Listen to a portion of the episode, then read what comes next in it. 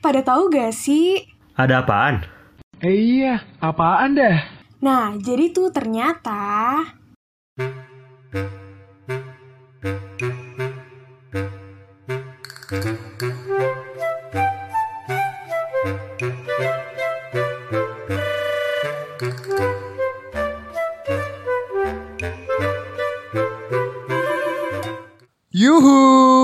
selamat datang kembali di podcast Lekat Membawakan berita secara lebih dekat Bertemu lagi nih bareng gue yang paling panas gitu ya Sepanas hot cream, ada gue Raden Dan gue Jere. Yang mana pastinya kita bakal nemenin kamu dengan berbagai macam informasi menarik, ciamik, hot yang gak boleh banget nih kamu lewati Betul, dan kita hari ini sudah kembali dengan Raden. Akhirnya balik lagi nih orang. Ke mana aja lu? Yuhu, gue terharu Jer jujur Ketemu lu lagi nih, Nah, akhirnya ya iya. kita ya Akhirnya kita Karena- bersama lagi. Betul, karena gue yakin lo pasti kangen banget sama gue Iya kan, lo kangen Enggak, kan, iya kan Enggak juga sih, ja- jadi lu jangan gosok pedean ya. Karena Ya kita kan masih keep, on- keep kontak ya, kita masih keep kontak di grup, jadi biasa aja sebenarnya. Tapi mungkin gue yakin Yuhu Geng pada kangen lah sama Bang Suara Radio. Ya? Ya elah, karena nih ya Jer ya, gue jujur pribadi Hmm. kangen banget sih sama Yuhu Gang karena ibaratnya setelah dua minggu gitu ya, gue nggak berbacot ria gitu ya di podcast, akhirnya gue bisa menyambut lagi gitu loh Yuhu Gang yang pastinya mereka juga excited banget buat dengerin podcast-podcast kita. Tapi nih Jer, kita Iya. kok berdua doang nih. Ya, kita seperti yang udah gue ucapin ya kemarin di dua episode lalu kalau nggak salah, kalau kita sudah mulai sip-sipan gitu. Jadi kali ini gilirannya gue sama Raden. Jadi buat kalian yang penggemar Nata, penggemar suara-suara cewek, jadi eh, silakan mungkin bisa pulang dulu gitu ya, karena nggak ada suara cewek di episode kali ini gitu. Kalian akan Ya mendengarkan kali. obrolan lelaki gitu. Tapi nggak apa-apa, Ya kalau kali. kalian masih mau denger, dengerin aja gitu. Karena kita bakal ngomongin yang seru-seru. Tapi nih Jer ya, gue yakin even though Nata nggak ada gitu ya. Gue yakin Hmm. pendengar kita tetap excited sih. Karena kan ada si suara ganteng gitu ya. Ganteng undip, si Jere gitu kan. Aduh, sudahlah. jangan jangan terlalu ini lah, jangan terlalu melebih-lebihkan lah. Nanti pada kecewa anjir. Pada nggak sesuai ekspektasi semua. Oke, tapi nih Jer, anyways terlepas dari gue yang kemarin sempat absen karena emang lagi sakit gitu ya. Gue jujur ngerasa bulan ini tuh dan akhir-akhir ini itu emang rada berat sih. Karena bisa dibilang bencana alam kan emang kita nggak bisa itu ya menghalaunya gitu ya. Dan itu emang terjadi di beberapa daerah di Indonesia gitu. Termasuk Oh, di iya, gue benar nih. sekali. Gue juga Jadi gue, ngalamin. iya. Lo juga, sumpah. Iya, iya. Jadi ini kalau kita ngomongin banjir ya. Jadi Yuk, i banjir. kan kalau yang sekarang-sekarang ini baru aja nih Jakarta kelelep ya. Terus sebelumnya Semarang juga. Nah, gua pun sempat kena di Bekasi gitu. Kira-kira seminggu yang lalu lah. Jadi tuh gue itu kan udah mulai kuliah kan. Itu tuh gue pagi-pagi bayangin gue harus kebangun terus gue harus angkat-angkatin barang gitu kan. Karena gue tahu itu kayaknya udah udah OTW banjir tuh gitu. Soalnya tahun lalu 2020 tuh gue juga kena banjir. Dan akhirnya ya udah ancang-ancang kita udah mulai siap-siap lah untuk siapa tahu nanti banjir eh ternyata banjir beneran pak gitu Ya ya elah, akhirnya gue kuliah di, banget. gue kuliah di tengah banjir akhirnya Tapi itu pada masuk ke rumah gitu berarti. Iya masuk ke rumah gue tapi ya syukur-syukurnya nggak tinggi sih paling cuma semata kaki lah nggak kayak yang yang sekarang-sekarang ini kan sampai kelelep gitu atapnya bahkan gila itu parah banget sih Iya sumpah bener banget. Even gue pribadi juga ngerasain sih. Jadi Hmm. kayak biasanya tuh emang rumah gue itu kan paling tinggi gitu ya di kampung. Jadi Hmm. kayak gue kayak nganggepnya nggak mungkin nih kayak air sampai masuk ke dalam gitu. Nah tapi bisa-bisanya nih air banjir sampai masuk ke dalam gitu sampai wah gila sih langsung itu heboh gimana tuh keluarga kan. rumah sekitar lu gimana anjir Makanya gue kayak gak bisa bayangin dan kasihan banget gitu kan. Dan apalagi gue rada panik sih karena kucing-kucing gue di rumah kan ini ada baru lahiran gitu ya. Gue langsung Oh, heboh iya. tuh, langsung nyelamatin majikan-majikan saya gitu ya supaya mereka selamat gitu kan. kucing di atas manusia ya rasnya rasanya udah beda gitu beda kasta Iya sumpah setuju banget. Tapi juga gimana pun juga kita sebagai manusia ya pastinya berharap semoga bencana ini segera mereda gitu ya. Dan juga semua orang-orang yang terkena dampak banjir ini juga bisa semangat dan juga bisa diberikan kekuatan gitu. Iya, terutama se- sekarang yang lagi rame di ini sih di Jabodetabek ya, yang teman-teman yang di Jakarta dan di Bekasi. Tapi tapi aneh eh, syukurnya ya. Ini Bekasi lagi rame juga nih banjir. Teman-teman gue yang di Bekasi kebanjiran, tapi puji Tuhan rumah gue nggak kena nih yang sekarang. Yang apa? yang gue kenanya seminggu lalu, ya, tapi yang sekarang nggak kena syukurnya. Nah, semoga teman-teman aja bertabek yang masih kebanjiran segera surut dan semoga nggak balik lagi banjir ya. Karena emang banjir tuh wah, Amin. banjir tuh apa ya? Udah udah udah gitu gini kan. Kan sekarang harus jaga kebersihan banget kan. Kayak lu ngebayangin lu harus bermain dengan banjir-banjiran yang mana itu kotor banget itu gue pribadi udah parno sih. Coba lu masih parno gitu ya. Tapi lo Ya, tau gak sih, gue banget. jujur nih ya. Eh. gue dulu zaman bocil suka banget namanya kayak main-main di banjiran gitu. Jadi kayak gue bahkan sampai berenang-berenang gitu, gila gak sih? Cuma itu, bocil, zaman bocil. Cuma sekarang karena gue udah tahu kayak air banjir tuh kena ini itu, jadi gue kayak oh my god, gue nggak bisa gitu. Kayak gue nyentuh aja kayak langsung takut. Anjir, kayak takut gitu ya. Tapi masa-masa banjir itu ya, eh gue kan pertama kali rumah gue yang sekarang ini kebanjiran itu tahun 2013 waktu gue SMP. Itu pengalaman buruk gue adalah gue kena DBD. Jadi habis gue kena banjir, habis itu gue DBD. Nah makanya pas kemarin 2020 gue kebanjiran itu gue langsung trauma tuh. Langsung terbawa segala ingatan-ingatan di hari gue DBD itu. Karena emang kayaknya sih ngaruh sih kayaknya jadi karena itu banyak genangan kan dan akhirnya ya nyamuk besar di situ dan kebetulan aja emang ada virusnya gitu akhirnya ya terpapar lah gue waktu itu makanya Nah, kayaknya gitu. emang banjir itu ya selain emang nyebelin karena mengganggu ya mengganggu karena menggenang juga jadi sumber penyakit itu yang masalah Tapi nih Jer, anyway, gue pengen tanya nih kalau lo dulu kalau hujan-hujanan gitu dimarahin gak sih? ah kalau gue syukurnya gue bukan anak yang seperti itu. Gue emang anaknya rumahan banget pak. Jadi kayak eh gue nggak usah dilarang gitu. Gue emang nggak mau Eh sumpah, lo tahu nih, gue dulu itu gue ngerasa kayak anak-anak yang bisa hujan-hujanan tuh kayak mereka punya privilege. Karena Hmm. gue tuh pengen banget gitu bisa hujan-hujanan gitu kan, banjir-banjiran dan lain-lainnya kayak hahihi gitu kan di bawah rintik hujan gitu ya.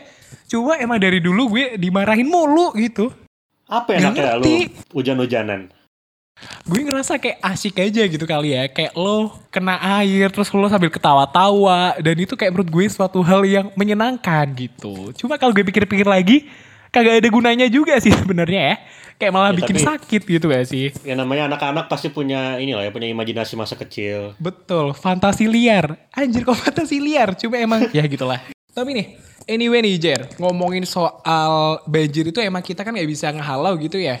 Kalau Hah? menurut lo pribadi nih, yang kalau kita sebagai mahasiswa gitu ya, apalagi kita kan anak Waduh, yang Bang. bisa dibilang nge-influence gitu ya. Gini-gini kita udah sebagai role models dan juga itu loh, apa namanya, tokoh publik gitu ya. Lo Wah, pengen gila, ngasih itu. sar jauh banget sih bener dari bayangan gue Bener loh, tapi serius loh, gue sempat baca nih Eh. kata anak komunikasi nih, tokoh publik itu adalah alias public figure itu adalah orang yang mereka udah bisa ngasih atau nge-influence orang lain gitu dan kita kan termasuk nih kalau orang bilang. Kalau lo mungkin saran gitu yang pengen lo bilang ke orang-orang gitu tentang banjir ini gimana sih? Karena emang gue rada kasihan juga ya karena kayak pemerintah tuh selalu disalahin gitu. Padahal kalau menurut gue pribadi itu juga bukan karena pemerintah doang gitu kan. Karena ibaratnya faktor-faktor lain pun juga mempengaruhi gitu. Kalau menurut lo gimana nih? Eh, pandangan gue mungkin sebenarnya kenapa orang-orang nyalain pemerintah kayaknya balik lagi ke apa ya ke kemampuan pemerintah dalam merancang kotanya gitu loh jadi mungkin em, masyarakat juga mikirnya ke sana gitu kan lagi-lagi. Nah cuman memang apa ya sebenarnya kalau misalnya kita masyarakat ya memang memang nyatanya buang sampah sembarangan. Cuman beberapa orang kemikir kayak dulu gue buang sampah sembarangan gak ada masalah tuh. Tapi kok sekarang semenjak gubernur X mimpin gitu misalnya langsung langsung banjir sih gitu. Akhirnya kan pada mikir kayak gitu. Sebenarnya apa ya mungkin emang zaman berubah. Cuman yang bisa gue bilang ya kalau kebanjiran ya sebaiknya lu berpikir lebih dalam lah karena tidak baik rasa-rasanya lu terus selalu menyalahkan pemerintah mulu pemerintah mulu gitu kan. Harusnya ada aksi yang lebih lah. Mungkin mungkin dari level terkecil dari lingkungan rumah lo dari dari RT lo mungkin ada penanggulangan tersendiri yang nggak perlu melibatkan pemerintah pusat gitu. Itu mungkin bisa dilakukan sih. Kayak gitu sih. Kepal- kalau gue soalnya apa ya, basic sebenarnya. Kayak lo jangan buang sampah sembarangan eh, terus lo juga intinya jaga kebersihan lah. Paling itu yang basic sih. Tapi gue nggak tahu juga. Mungkin di beberapa daerah udah melakukan tapi masih kena banjir ya mungkin itu memang dampak perubahan lingkungan aja sih emang tahun ke tahun pasti kan udah berubah gitu Jawaban anak hukum emang sangat bijak gitu ya. gue ini aja gue cuma cuma sotoy-sotoyan aja gitu Tapi Emang kalau menurut menurut gue gimana? sih, kalau gue nganggep bahwa gimana pun juga emang masyarakat juga ngasih impact gitu ya terkait sama yang namanya banjir ini. Dan bahkan untuk penanggulangannya pun kita juga perlu peran serta dari masyarakat gitu. Sama kayak lo bilang tadi, pastinya emang sampah ini kita harus mulai aware sih. Ibaratnya kayak lo masih bisa ngelihat banyak sampah di mana-mana dan itu adalah PR yang harus kita lakuin mulai dari sekarang. Bahkan seharusnya dari dulu ya. Tapi at least kayak daripada terlambat, ya udah kita lakuin sekarang aja gitu. Iya, tapi sebenarnya selain sampah ini juga mungkin menyebabkan banjir ya. Sebenarnya gini gini, seandainya banjir gitu dan gak ada sampah, gue rasa akan lebih baik dibandingkan banjir yang ada sampah. Ya karena kan sampah udah pasti bawa penyakit gitu kan. Kalau lingkungan lo bersih bersih meskipun lo kena banjir, gue rasa itu akan meminimalisasi adanya kayak sumber penyakit atau hal-hal kotor lain lah. Jadi itu kan buat diri lo juga dan juga untuk lingkungan lo. Jadi kalau lo jaga lingkungan sebaik mungkin, gue rasa sekena banjir kena banjirnya tuh ada lah yang bisa kita lakukan untuk mengurangi dampaknya. Jadi menurut gue itu tetap bisa dilakukan sih. Betul banget, efek domino gitu kalau orang bilang. Jadi kayak ibaratnya gara-gara satu hal itu bisa ngasih banyak efek ke lainnya juga gitu. Tapi kita kayak serius banget deh bahasannya. Kok jadi kayak, kok gue jadi kayak orang pemerintahan gini ya ngomongnya. Menurut gue masih biasa aja sih. Oke kayaknya topik itu selesai ya. Abis ini kita ganti Oke topik kita ya. kita coba ganti yang ini deh, yang lagi hot-hot lagi nih. Berikutnya nih yang lagi hot banget diomongin mulu di minggu ini. Pasti lo juga tahu Den, dan Yohoge mungkin juga udah tahu. Jadi ada nih eh, platform baru ya, si anak baru yang menurut gue sebenarnya mirip-mirip kayak aplikasi live streaming sih. Cuman ini audio doang. Yaitu adalah Oh apa tuh? Clubhouse. Clubhouse. Oh Clubhouse. Siapa yang nggak pernah dengar ya kan? Sayangnya masih eksklusif untuk pengguna iOS saja. Jadi buat teman-teman yang menggunakan Android, sayangnya belum bisa. Jadi harap maklum ya. Lo tau gak sih Jer ini ini rada konyol ya karena emang gue gara-gara si Clubhouse ini gue kayak kena prank gitu. Kenapa? Gue kan Android user ya, gue kan pengguna Android gitu. Gue ngeliat anjir ini teman-teman gue pada up tentang Clubhouse nih. Gue kayak pengen ngikutin euforia gitu kan. Namanya aja orang Indonesia kan emang gampang latah gitu ya. Terus gue nyari tuh di Play Store gitu. Ini Clubhouse teh yang mana? Kok kagak ada gitu ya. Terus akhirnya gue dapet nih aplikasi. Gue download. Ternyata beda aplikasi. Cuma ya gimana lagi, emang Android user ini emang kita sering mendapatkan perlakuan tidak adil. Iya emang gitu sih ya. Buat teman-teman yang gunakan iPhone itu keuntungan lah. Tapi sebenarnya mungkin tadi gue mengambil kata-kata sedikit latah ya. Jadi sejujurnya nih ini mungkin kita beda pandangan ya. Gue justru sebenarnya kalaupun nanti ada di Android karena gue pengguna Android, gue rasa gue tidak akan menggunakan. Hype-nya udah terlalu besar banget dan gue atau ya gue mungkin orang ini ini gue nggak punya argumen yang jelas sebenarnya kenapa gue let's say nggak suka sama Clubhouse. Cuma emang mungkin gue udah muak aja gitu. Lo tiap hari buka sosmed dan lo lihat orang dikit-dikit upload Clubhouse lah, artis A buka Clubhouse, artis B buka Clubhouse jadi kayak aduh capek-capek gue udahan kayak udahan hype-nya gitu. Karena gue gue nggak suka aja sih. Mungkin Iya, orang-orang kayak setuju. tiap hari gitu Clubhouse apa nggak capek? Gue setuju banget sama lo sih Jer. I mean bahkan untuk sosial media gitu aja ya. Gue makin ke sini kayak udah fokus ke beberapa sosial media aja gitu. Kayak nggak terlalu pengen membuka sosial media sosial media yang baru kecuali emang itu harus atau penting Iya, gitu buat bener, pribadi. Apalagi nih ya Jer, Hmm. Gue ngelihat si Clubhouse ini kan akhirnya ini rame juga karena gara-gara kontroversi. Lo udah baca belum tuh? Kayak gara-gara inilah ada yang salah ngomong lah terus sampai heboh gitu Iya kan. iya pas bener bener bener. Tadi gue baru baru aja baca tadi soal yang salah ngomong itu. Nah, jadi ini emang heboh banget gitu ya, Jer ya. Kalau menurut lu gimana nih menanggapi kasus tersebut gitu? Tapi gue nggak tahu sih, mungkin kasus kita beda ya. Tapi tadi gue baru aja baca, jadi orang ini kayak nyindir gitu, kayak "Eh, gimana sih ini orang-orang yang ada di clubhouse tuh eh, pada nggak bisa jaga omongan ya. Jadi jadi dia nge kayak gitu karena ada seseorang artis yang eh, kayak menghina satu brand, padahal brandnya ada di clubhouse itu. Ngaco kan? Jadi kayak kayak lo lo tuh lo tuh kegap lagi ngomongin orang gitu. Sama orangnya langsung masalahnya.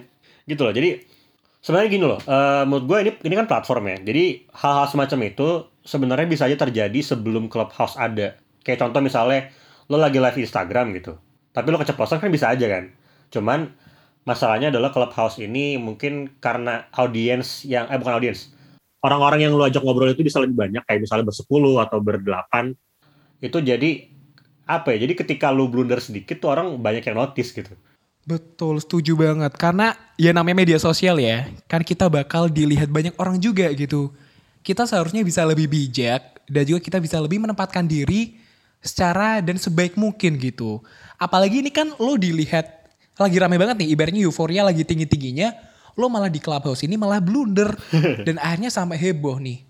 Sumpah gue rada kesel sih sebenarnya karena emang di Twitter gue aja itu kayak timeline itu isinya clubhouse lagi, even trend pun clubhouse lagi gitu kan. Kayak ya Tuhan. Tapi terlepas dari emang kita Android user yang nggak bisa pakai ya, ini tuh clubhouse ini emang diperuntukkan untuk beberapa kaum kaum elit sih, karena gue ngerasa kayak lo yang masuk-masuk ke sana kan juga ada perlu Ah, akses gitu nggak iya. sih? Setahu gue gitu Jadi ya. nggak bisa main Iya kan? install terus daftar terus lo bisa main karena lu mesti nunggu invitation dulu dari orang yang udah make. Jadi ya udah udah eksklusif di iOS, udah gitu eksklusif pula. Jadi emang menurut gue emang rada elit dan eksklusif sih. Betul nih lo tau gak sih event teman-teman gue. Jadi kan gue lagi ada event gitu kan. Danusanya udah danusan clubhouse kak. Jadi kayak, uh, Maksudnya gue ngerasa kayak oke. jualan ini- invitation gitu? Sumpah. Gue rada bingung sih sebenarnya konsepnya gimana. Cuma emang kayak Clubhouse ini dijadikan salah satu media untuk berdanusan yang dijual Anjir. gitu.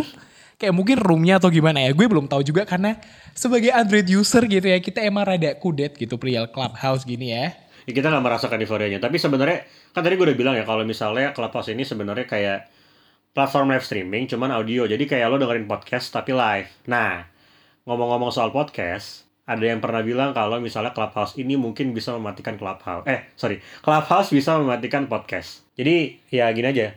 Eh, orang bilang itu bisa mematikan podcast karena di Clubhouse itu ya itu podcast sudah terbentuk dengan sendirinya. Jadi udah artis-artis ngumpul, ngobrol ya udah itu udah jadi podcast dan bisa disaksikan secara langsung malah interaksinya. Jadi interaksi artis A dengan artis B itu bisa langsung terpantau secara live. Itulah mungkin yang bisa dikatakan sebagai pembunuh podcast. Tapi menurut lo gimana? Mungkin lo ada pandangan lain apakah podcast bisa mati beneran karena Clubhouse atau justru enggak, justru podcast malah makin berkembang dengan ada Clubhouse. Tapi please ya jangan sampai deh podcast mati karena lekat belum jadi kayak tukang bubur naik haji gitu kan. Kita belum sampai seribu episode baru, gitu baru ya. aja bikin Gue ya. bakal sedih baru banget. 6 episode gitu. Iya. Masa udah bubar lagi? gue gue bakal sedih kalau emang podcast termasuk lekat gitu ya kita bakal hilang atau alias mati gitu ya karena jujur gue ngerasa bahwa podcast ini adalah media bagi banyak orang mungkin yang mereka ini juga terproletarkan, termarginalkan, atau bahkan mereka yang ini bukan termasuk kaum elit gitu buat mengekspresikan diri. Hmm. Termasuk kita, kita kan mahasiswa biasa gitu ya, tidak terkenal di kampus gitu kan. Tapi dengan podcast lekat ini kita bisa berekspresi gitu. Jadi gue rada kesel sih kalau emang sampai si apa namanya Clubhouse ini digadang-gadang gitu bakal mematikan podcast. Tapi nih Jer, anyway, gue sempat baca juga bahwa sebenarnya Clubhouse ini juga terancam loh diblokir di Indonesia. Oh iya itu juga. Lo tau nggak kenapa? Itu kalau nggak salah, Iya kan, soal jadi apa ya pendaftarannya deh kayaknya. Iya betul banget. Jadi gara-gara ibaratnya ada seharusnya gimana pun juga izin gitu. Namanya ke Kominfo. Karena kan ini platform yang mana diakses oleh masyarakat kita juga banyak gitu kan. Dan ini katanya nih katanya itu mereka belum melaksanakan perizinan secara tepat atau sesuai prosedur yang ada gitu. Ya gue nggak masalah sih karena gue juga nggak main ya. Jadi silakan aja blokir blokir dah gitu. Tapi nggak nggak.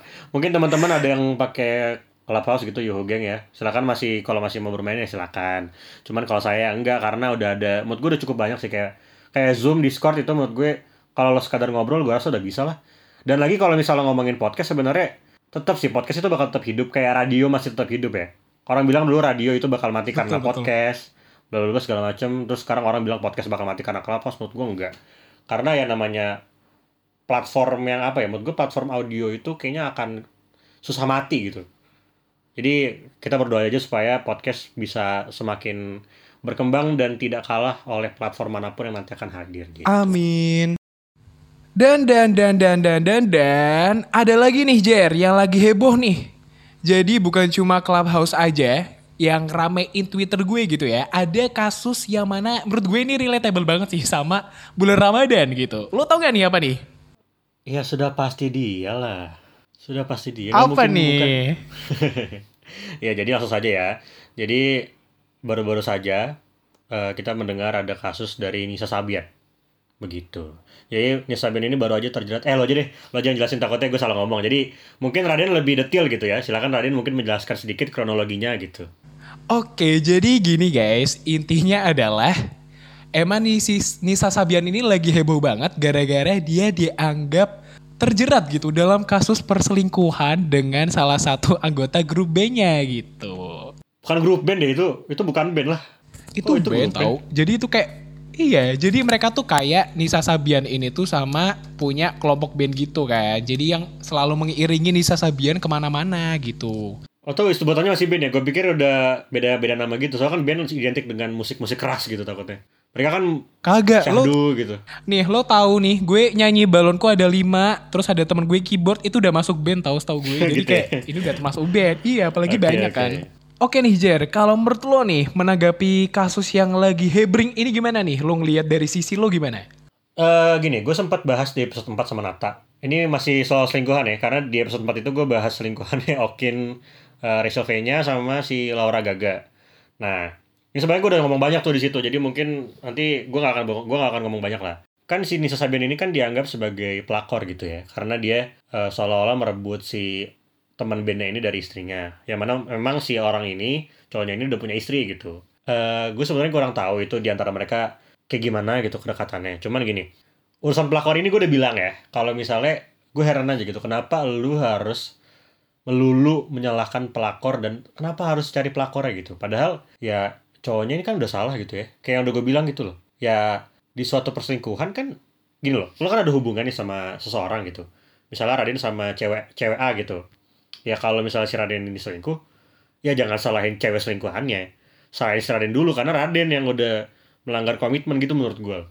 Jadi sebenarnya kemarin-kemarin kan juga si Nisa Sabian si Nisa ini terlalu digoreng lah menurut gue sama sama publik. Kayak kemarin bahkan ada yang sampai ngejalang-jalangin gitu astaga parah banget sih itu. Kayak sampai bener-bener gak ada harga dirinya lagi lah itu si Nisa Sabian.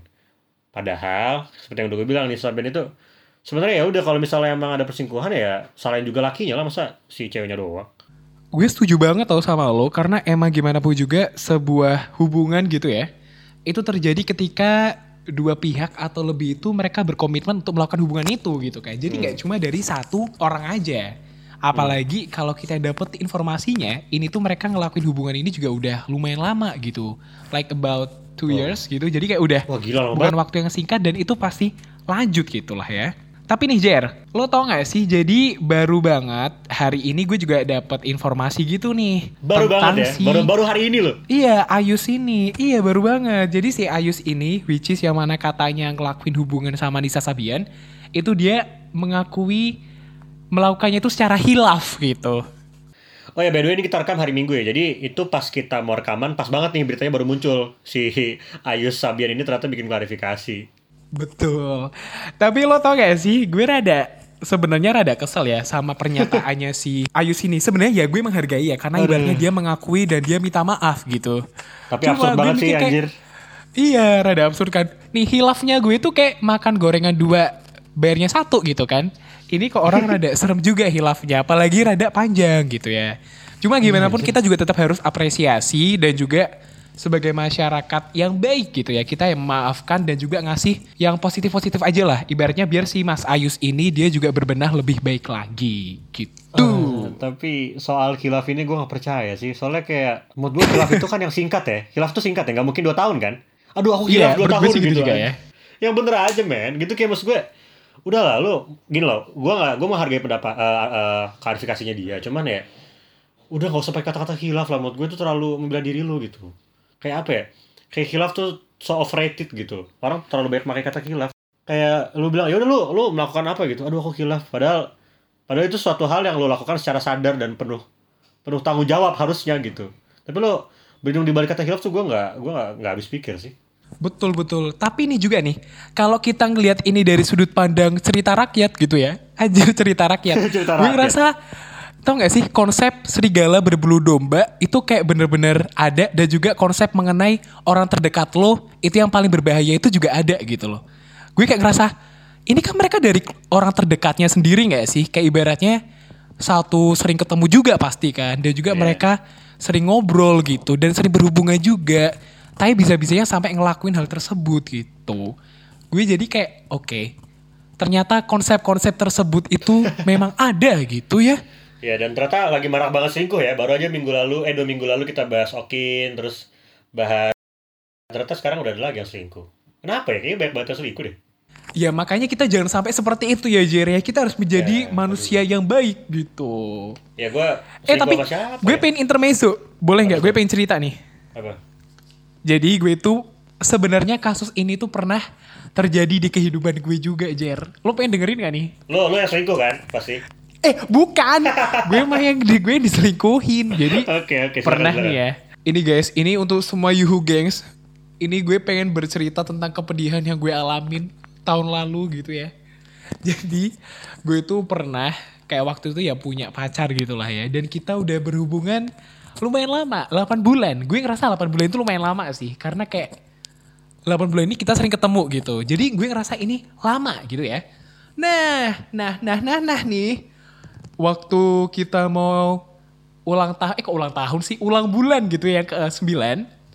Itu ternyata si pacar gue ini main belakang sama teman gue sendiri Oh gitu. Jadi gue kayak waktu gue dapet kabar tentang Nisa Sabian ini, gue kayak ya elah ini mah gue udah nih, gue udah nih. Ini jadi gue kayak ya Tuhan, gue langsung teringat kembali masa lalu gitu ya. Iya. Bisa dilihat lah ya. Iya relate banget. Lo relate gak? Enggak, syukurnya gue belum pernah selingkuh. Jangan sampai ya. dan diselingkuhin ya syukur ya syukur banget tuh ya seperti yang pokoknya kalau kalian mau dengar pandangan gue soal selingkuh yang lebih lengkap baik lagi ke episode 4 gitu kan tidak ada salahnya mendengarkan Betul dan bisa banget langsung follow Instagram Jere sih. Instagram boleh. lo apa Jer? jadi Instagram gue itu ada di eh, ntar lah ntar aja di ntar kan di tag di itu di posternya ya kan ntar ada nah yang terakhir nih berita terakhir yang cukup ramai juga jadi kemarin seorang influencer tanah air. Wih dia gila. Dia ini jadi enggak jadi dia sebenarnya musisi dan penulis yang mungkin Yuhugeng pasti Yuhugeng tahu sih. Jadi dia ini adalah Fiersa Besari yang baru saja menyambut kelahiran anak pertamanya. Selamat Bung Fiersa ya. Yuhu selamat. walaupun Akhirnya kita tahu kalau bapak. Bung Fiersa nggak akan dengar ya.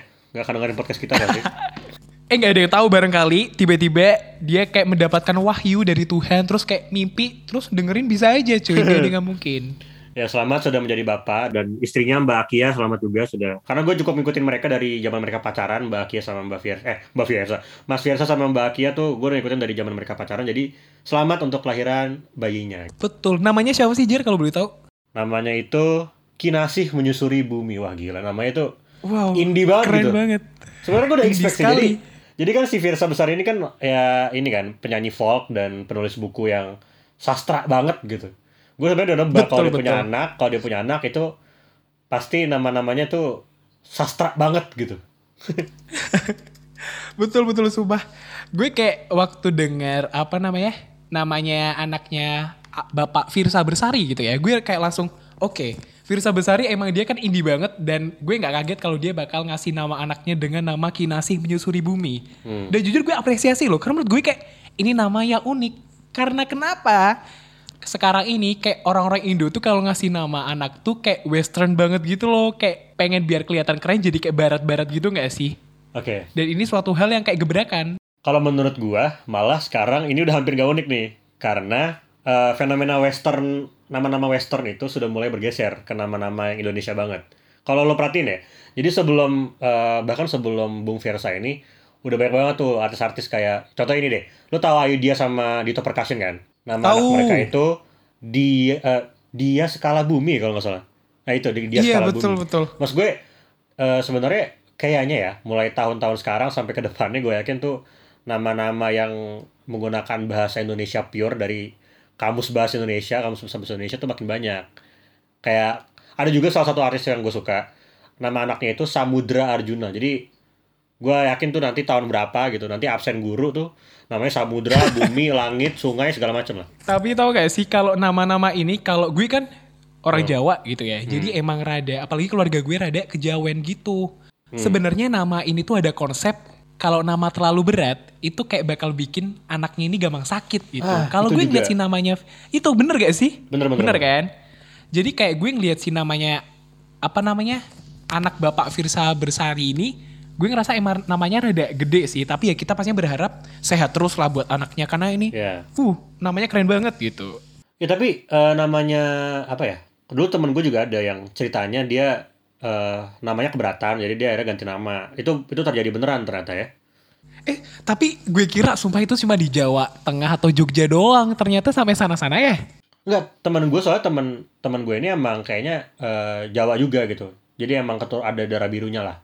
Terus pas dia dapat nama itu sakit ternyata. Iya, jadi sampai teman gue juga pernah ngalamin gitu, Jer. Dan even dia sampai ngadain selamatan lagi gitu. Jadi kayak selamatan di rumah ganti nama kayak gue ngelihatnya kayak lucu gitu ya akhirnya ganti nama gitu cuma nih ini mungkin ada intermezzo dikit ya kalau lo nanti suatu saat gitu punya anak gitu ya Aduh, ya Allah. lo udah ada bayangan belum nih pengen punya nama apa gitu Ya waktu SMA itu, waktu gua masih awal-awal suka puisi kan gue gue emang sekarang ya masih lah gue masih suka puisi gitu. Zaman-zaman SMA itu kan gue awal-awal kenal puisi dan awal-awal mulai nulis.